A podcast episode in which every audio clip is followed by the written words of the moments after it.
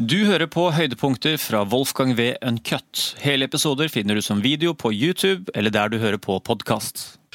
Eh, I 2015, i første halvdel av året, så var det liksom meningsmålinger som viste at folk var veldig, asylve- var veldig asylvennlige. og Det hadde nok også noe av mediedekningen. ikke sant? Du husker han den lille døde gutten på stranden?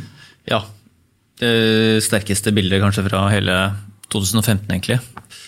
Ja, eh, Som jeg syns var veldig problematisk. Eh, vanligvis så gjør ikke mediene det.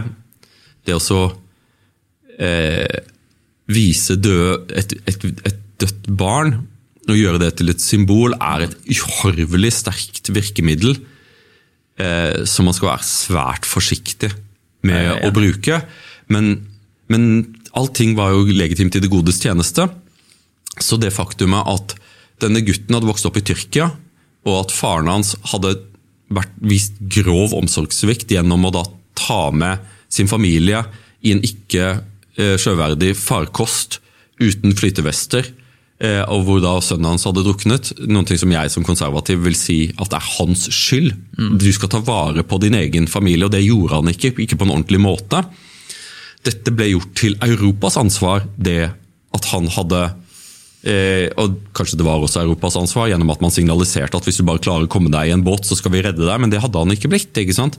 Men, men det døde barnet på, på stranden ble da en, en slags blodfane for innvandringstilhengerne, og et argument som var så brutalt at det var veldig vanskelig å argumentere imot det. Eh, Her står jeg med det døde barnet, hva har du å komme med? Liksom, det er veldig vanskelig å ha en, en, en rimelig debatt omkring dette.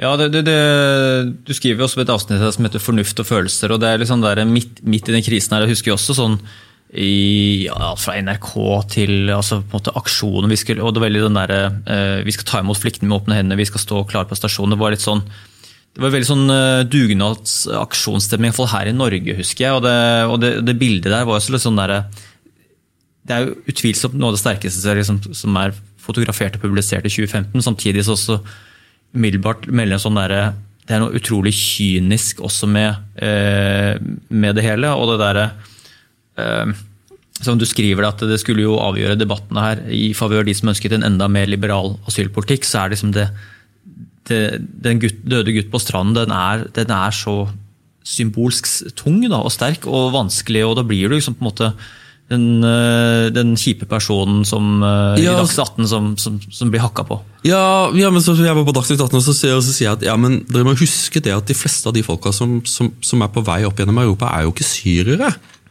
Og da ble jeg liksom, liksom for det, ikke sant, Når man har skapt et medienarrativ, da, liksom at du har bare fått fjernet alle de andre folkene fra, fra, fra, fra bildet. Du har sett det på TV selv. Jeg så den syriske familien i Beograd Beograd selv. Jeg så, det på, jeg så det på TV. Hva er det du og prater om, Astrid Toje? Så da blir du Ikke sant? fornekter Og det er, da. Hvor er tallene dine, da? Hvor Ja. er tallene dine, ikke sant? Eh, Nei, jeg har, bare min, jeg har bare det jeg har sett med øynene mine. Ja, ikke sant? Ja, dine øyne, ja. Dine løgnaktige, konservative øyne. Du ser det du vil, du, Asle. ikke sant? Nå har vi jo tallene. 20% av de som, eh, de som kom i 2015, var syrere. Dette er jo ikke mine tall, dette er eh, FNs høykommissær for flyktningers tall.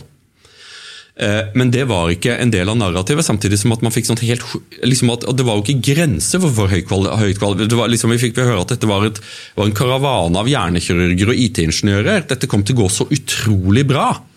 Men det var jo ikke det. Dette var stort sett lavkvalifiserte folk uten utdannelse, og som heller ikke hadde språkferdighetene til å kunne finne arbeid i et Europa hvor det ikke var noen etterspørsel etter lavkvalifisert arbeidskraft.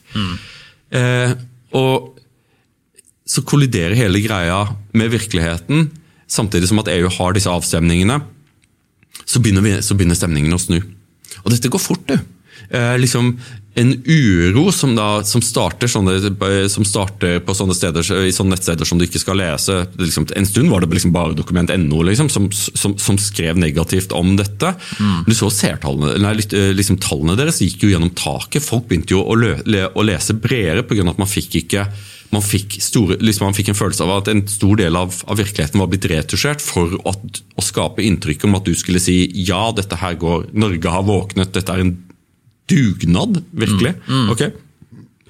Eh, men så viste det seg at, at sant? Det, Paul Collier har skrevet kjempegodt om dette. Eh, ikke sant? Ifølge FNs høykommissær for flyktninger så fantes det 60 millioner eh, flyktninger i, i verden i 2015.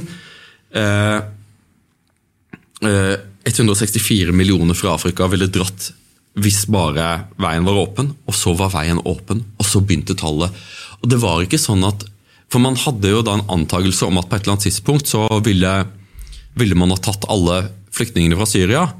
Men så forsto man etter hvert at det var flere folk som ville til Europa enn det finnes mennesker i Europa. Og Det er en sånn greie som Angela Merkel hun, Angela Merkel liker en sånn tallserie. Hun sier 7, 25, 50, 80. Ikke sant? Europa utgjør 7 av verdens, eh, verdens eh, befolkning. Vi står for omtrent 15% av verdens samlede verdiskapning. Vi står for 50% av alle verdens velferdsutgifter. Altså at vi har de mest sjenerøse velferdsstatene i verden by far. Mm. Og vi tar imot 80% av alle verdens asylsøkere. Så 15% av verdens befolkning tar imot 80% av alle verdens asylsøkere. Det var ikke, det gikk noen flyktningkaravaner til trosfellene i de rike gulfstatene, for de tilbød ikke asyl i det hele tatt. Forsøk å søke, søke asyl i Kina. Lykke til. Mm. Ikke sant? Eh, og så Europa hadde nå slått inn på, eh, på et, skjebnesvangert, eh, en skjebnesvanger vei. Og vi er jo ikke kommet av den veien enda. Fortsatt så er det jo en enorm asylmigrasjon til Europa. Eh, av politikere som ikke hadde tenkt gjennom ja, hva vil konsekvensene være for våre velferdsstater, for våre samfunn, hvis man, hvis man tar alle disse menneskene.